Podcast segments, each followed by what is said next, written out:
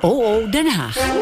Het is weer vrijdag even na één en dat betekent dat we weer gaan terugkijken op de politieke wijk. En daarvoor eh, schuift aan uh, nu, as we speak, uh, Peter K., uh, onze ja, politieke redacteur... en ook de baas van de apenrots in Den Haag ongeveer. Hè? Nou, nou, nou, nou. Ja, valt mee, het was, een, het, het was een, een, drukke week, hè, afgelopen week... voor de Golden Wonder Boy van het CDA. Ja, het was gekhuis voor de jongen. Nee, ik bedoel Pieter Omtzigt. Sorry, sorry, Patrick. De Golden Boy van het CDA is vooralsnog, zeker tot zaterdag, Hugo de Jonge. Ja. Uh, maar die lijsttrekkersverkiezingen, ja, dat was geen pretje voor hem. Dat het in het water viel door een ethische hacker.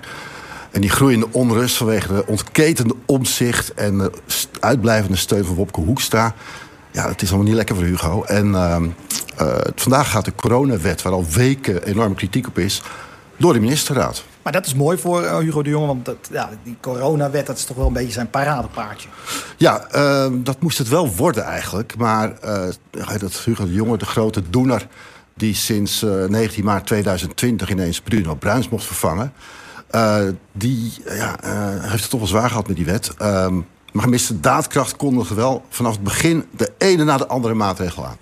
Juist omdat ouderen zo kwetsbaar zijn... hebben we besloten om in alle verpleeghuizen en kleinschalige woonvormen in de ouderenzorg de deuren te sluiten voor bezoekers en voor alle anderen die niet noodzakelijk zijn voor de zorg.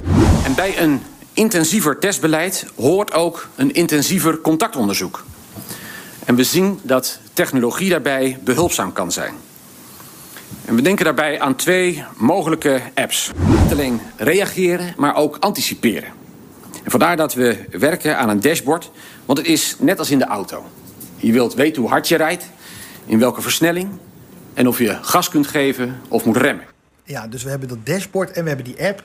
Nou, die dashboard, ja, daar ben ik eigenlijk nooit naartoe geweest, naar die, naar die site. Dus dat is voor mij een beetje in, in mist verdwenen. Ja. Maar die app, daar is iedereen verschrikkelijk druk mee, hè? Ja, er is enorm veel druk uh, op gezet. Die zou ook onderdeel worden van de coronawet. Ja? Nou, uh, uiteindelijk is die eruit gehaald en het is een beetje een onvoldragen baby, een, een stiefkindje aan het worden. Uh, maar ja, die app moet er uiteindelijk nog wel komen. Maar die wet, die, die je zegt van nou, dat is zijn paradepaardje, die wordt dus nu ontwikkeld.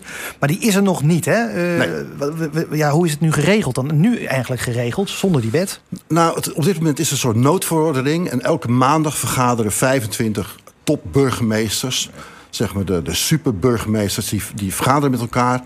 En die uh, spreken met elkaar maatregelen, noodmaatregelen af... om de bestrijding van het uh, coronavirus uh, in de hand te houden, zeg maar. Dus de, de openbare orde op haar hand, in de handen te houden. En dat is eigenlijk een soort regeren per decreet. Omdat ja. die burgemeesters eigenlijk niet gekozen zijn... dus het is niet echt democratisch. Nee, dus die bepalen met elkaar zo'n maatregel. Nou, dat, dat soort dingen kun je in Hongarije best wel doen. Maar hier schuurt dat toch een beetje, weet je wel. Dus Wij willen democratie. Ja, precies. En dan moet er een speciale wet komen. En ja, dan komt er een coronawet. Was iedereen nou eigenlijk direct enthousiast over die coronawet?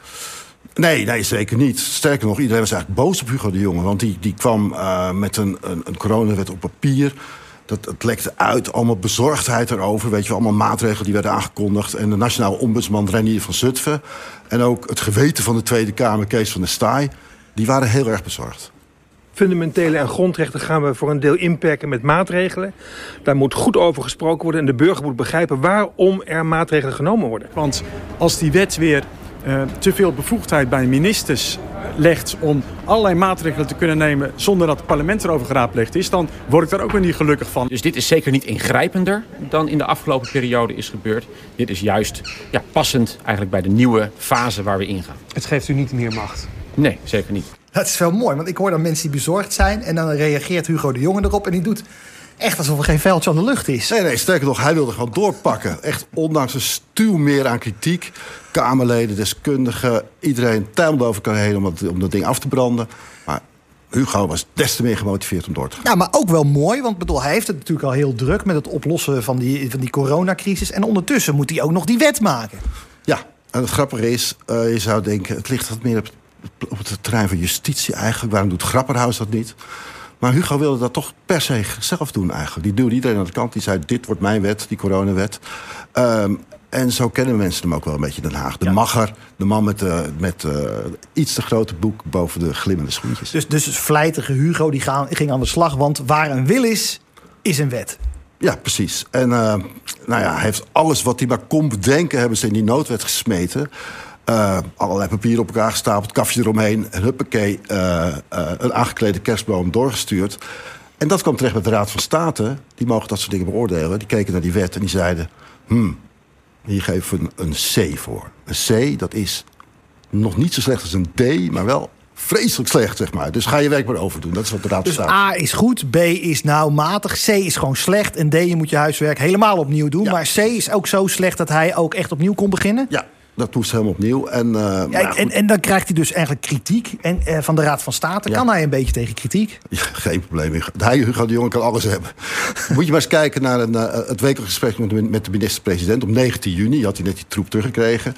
En de jongen, Ron Vrees, voelt hem erover aan de tand... Maar bij die jongen geen spoor van twijfel. Het is overigens ook net de dag nadat hij zich gekandideerd had als lijsttrekker voor het CDA. Wim ja. Voermans, staatsrechtgeleerde, uh, ja. zegt zelfs... we gaan hiermee terug naar de tijd van koning Willem I. Het ja. kabinet regeert per decreet. En achteraf mag de Tweede Kamer zeggen, fantastisch gedaan. Juist niet. Dus daar zit hij toch echt naast. En daarom is het ook goed dat u mij de gelegenheid biedt... om die misverstanden even recht te zetten. Want kijk, het punt is dus niet dat het kabinet meer bevoegdheden moet hebben... of per decreet zou willen regeren. Integendeel. Uh, de, de, de, maatregelen zijn ook niet van een kabinet om, om mensen te pesten of zo. Het komt niet door ons, het komt door het virus. Dat ja. virus houdt geen rekening met de economie. Dat virus houdt geen rekening met grenzen. Dat virus kent de grondwet niet. Dat virus wil gewoon zichzelf verspreiden. Ja, dat ja. is het punt. Ja. Dus als iedereen zegt, ja, we hebben eigenlijk geen zin meer in de anderhalve meter... dan zeg ik, nou ja, bel met dat virus en als je het kan regelen, moet je het doen.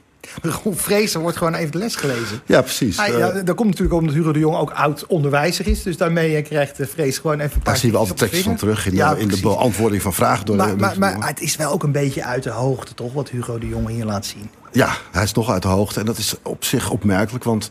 Grapperhaus trok ook een paar keer aan zijn oren van... doe het even wat rustiger aan, weet je wel. Uh, uh, uh, we moeten goed luisteren naar de coalitiepartijen enzovoort.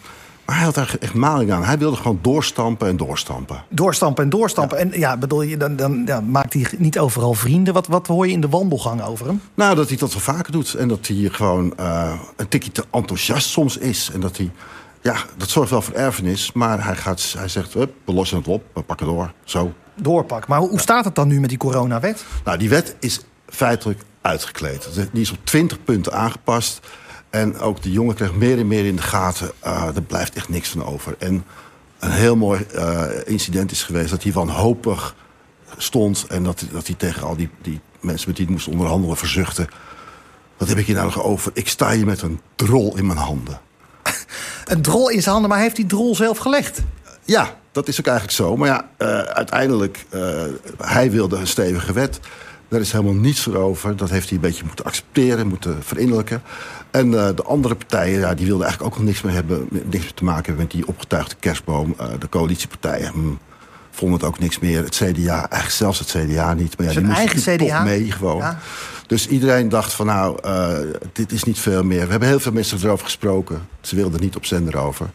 Maar dat heb je vaker in Den Haag. Dat is wel achter de schermen hoor je wel leuke informatie. Gelukkig zijn er nog wel andere Kamerleden die wel durven reageren bij ons over deze coronawet. Want we gaan praten met Katelijne Buitenweg, Kamerlid van GroenLinks. Goedemiddag. Ja, goedemiddag. Ja, klopt dit een beetje dat uh, minister De Jonge zich een beetje verteeld heeft aan de coronawet?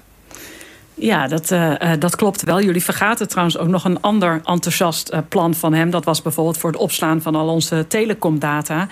Uh, dat is ook nog steeds uh, uh, wachtende tot daar. Ja, maar we moeten Hugo de Jonge toch een beetje heel houden? Dat is, dat is waar. Ja, het ja. past ook niet helemaal in het verhaal, Katelijn. Dus ja. Nee, maar het past er wel in. Van namelijk steeds meer. inderdaad, het. Eigenlijk dat je snelheid verward met daadkracht. In, in, in de hoop dat je maar zo snel mogelijk dingen kan gaan doen. Maar ja, juist als burgerrecht in het geding zijn, moet je het ook wel zorgvuldig doen. Want anders ja, duurt het eigenlijk nog langer... omdat iedereen dan ook tegen, zich, uh, tegen je krijgt. En nu jullie hebben gezegd dat het, dat het wetsvoorstel... wat eigenlijk vandaag dus nog door de ministerraad net een drol is in mijn handen... weet ik niet of het enthousiasme gestegen is van mensen om dit te omarmen. Nee, dat snap ik wel. Maar aan de andere kant, eigenlijk gingen er eerst 25 van die superburgemeesters over. Dat is helemaal niet democratisch. Dus het is toch wel van belang dat die coronawet er komt? Nou, het is in ieder geval van belang om, om te kijken uh, welke maatregelen op dit moment nodig zijn. ik kan me voorstellen, je wil inderdaad die noodverordeningen niet heel lang laten doorgaan. Daar heb je helemaal gelijk in. Dan zijn er een aantal burgemeesters die alle, alle maatregelen voor ons bepalen. De vraag is wel, wat voor maatregelen zijn er op dit moment nodig? En ik denk dat dat eerst de vraag is die we met elkaar moeten gaan stellen. want je kan wat ik ook hoor over die nieuwe aangepaste wet... is inderdaad dat die heel erg uh, uitgekleed is. Dat die zowel uh, een aantal zaken eruit gehaald zijn... zoals die corona-app, uh, dat het parlement een grotere rol krijgt. Dus dat zijn echt allemaal pluspunten. De vraag is wel, hè, die wet werd gemaakt... of de eerste aanzet geloof ik in, in april. Wat hebben we in september, oktober... wanneer dit door het parlement gaat... wat hebben we dan nodig aan, aan, aan wetgeving? En, en ik denk dat dat de maatregel die dan nodig is? Nou ja, in hoeverre, een van de zaken waarvan ik begrijp uh, dat dat ook in de, in de wet blijft zitten, is natuurlijk de, uh, de afstandsregel uh, die ook buitenshuis gaat werken. En ik vind dat best ingewikkeld om het strafrecht in te zetten voor de, ja, de afstand die je moet houden met de mensen bij wie je buitenshuis bent. en dat er dan vanuit de overheid regels zijn om te zeggen van nou je mag wel met je man op anderhalve meter afstand ook buitenshuis, maar liever niet met je moeder. En um, ik vind dat heftig om dat in het strafrecht te regelen. Ja, maar het gaat wel over onze gezondheid. Nou ja, dat, ik denk dat dat uh, de vragen zijn die we in allereerste uh, plaats moeten gaan stellen. Van zijn dit de nodige vragen op dit moment? En want waar ik, wat ik zie als ik daar met mensen over praat... is dat ze zeggen, ja, maar dat gaat op die manier niet gehandhaafd worden. Ja, dan maak je dus een wet Waar, en dat denk ik ook overigens, dus daar maak ik me ook niet zo'n zorgen over. Maar dan maak je een wet waarbij de letter van de wet heel erg uiteenloopt met wat de werkelijkheid is. En waar ik me dan zorgen over maak, is als er dan opnieuw een uitbraak komt. Um, en dat hopen we natuurlijk niet. Maar stel dat dat er komt. Wat zijn dan je opschalingsmogelijkheden nog? Ga je dan tegen mensen zeggen... ja, maar nu gaan we echt handhaven? Of is het beter om te zeggen van... nou, we doen een heel dringend appel op mensen... om echt uh, zo goed mogelijk uh, alle maatregelen in acht te nemen. Maar het strafrecht gaan we pas weer echt een werking laten hebben... op het moment dat dat ook in de cijfers buiten huis nodig blijft. Dus u denkt dat ons, die wet ons eigenlijk geen steek verder helpt? Nou, kijk, ten eerste heb ik die wet nog niet uh, gehad. Hè, want, uh, Maandag wordt, uh, schijnt hij op uw bureau te komen. Nou, dan wacht ik het vol spanning af. Um, en dan gaan we um, het echt gewoon zorgvuldig bekijken. Ik heb geen enkele zin om dit gehaast door het parlement te halen. Ik wil er een aantal experts over raadplegen. ik wil de nut en noodzaak op dit moment even begrijpen van die wet. en daarna willen kijken inderdaad van... is het strafrecht nu de geëigende plek... Um, maar ja, de jongen heeft een beetje haast bij die wet. Die wil even doorpakken natuurlijk. Ja, maar dan moet hij dat niet op de eerste dag van ons reces uh, uh, uh, neerleggen. Ja, reces, zeg maar. reces in deze tijd. Nee, maar zo, ik bedoel, volgens mij hebben zij zelf ook gezegd dat er op dit moment geen haast aan zit. Zij leggen hem, zij hebben maanden, weken, maanden overleg intern. En dat snap ik.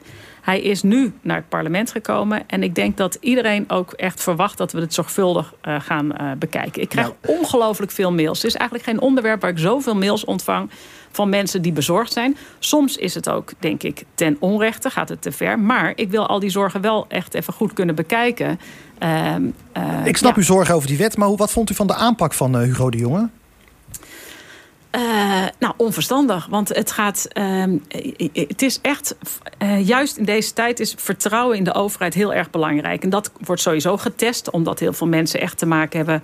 Nou ja, met, het is een zware tijd voor heel veel mensen. Dus uh, die worden heel erg geraakt. Ja, als je dan vervolgens dat vertrouwen ook nog wat extra op het spel zet. door wat losjes om te gaan met burgerrechten, dan helpt dat niet.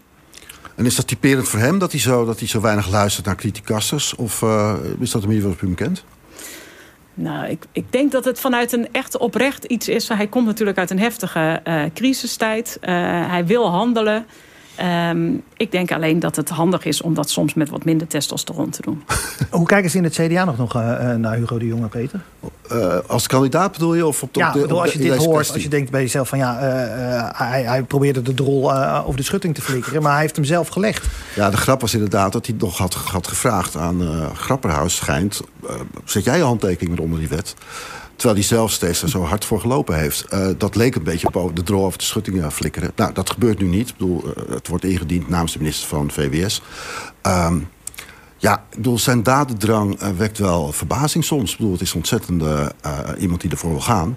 En we gaan zien of hij ook die CDA-verkiezing gaat winnen natuurlijk morgen. Ja, maar het is natuurlijk die dadendrang. Weet je, het is heel belangrijk om inderdaad daadkrachtig te zijn. Maar het kan ook heel daadkrachtig te zijn om, uh, om heel goed te begrijpen... wat de implicaties zijn voor burgerrechten. Om zoveel mogelijk mensen mee te krijgen. Dan was je waarschijnlijk op dit moment al wat verder geweest. Dus uh, ik denk dat dadenkracht uh, niet verward moet worden met... met ja, maar ja, goed, hij komt uit Rotterdam. Daar zingen ze altijd geen woorden, maar daden. En dan zingen ze erachter Feyenoord kampioen. Feyenoord is niet altijd kampioen geworden. Maar in ieder geval, Katelijne Buitenweg. Dank u wel voor uw uh, vlammend betoog over de coronawet. En ik ben uh, benieuwd uh, wanneer die voor het parlement komt te liggen. En wat dan het debat gaat opleveren. Katelijne Buitenweg, dank u wel. En ook Peter K. Dank je wel voor weer een heerlijke samenvatting. Het is weekend voor mij. Wij zijn er maandag weer met de Nieuwsbv. Maar zometeen is hier Bureau Sport. Fijn weekend.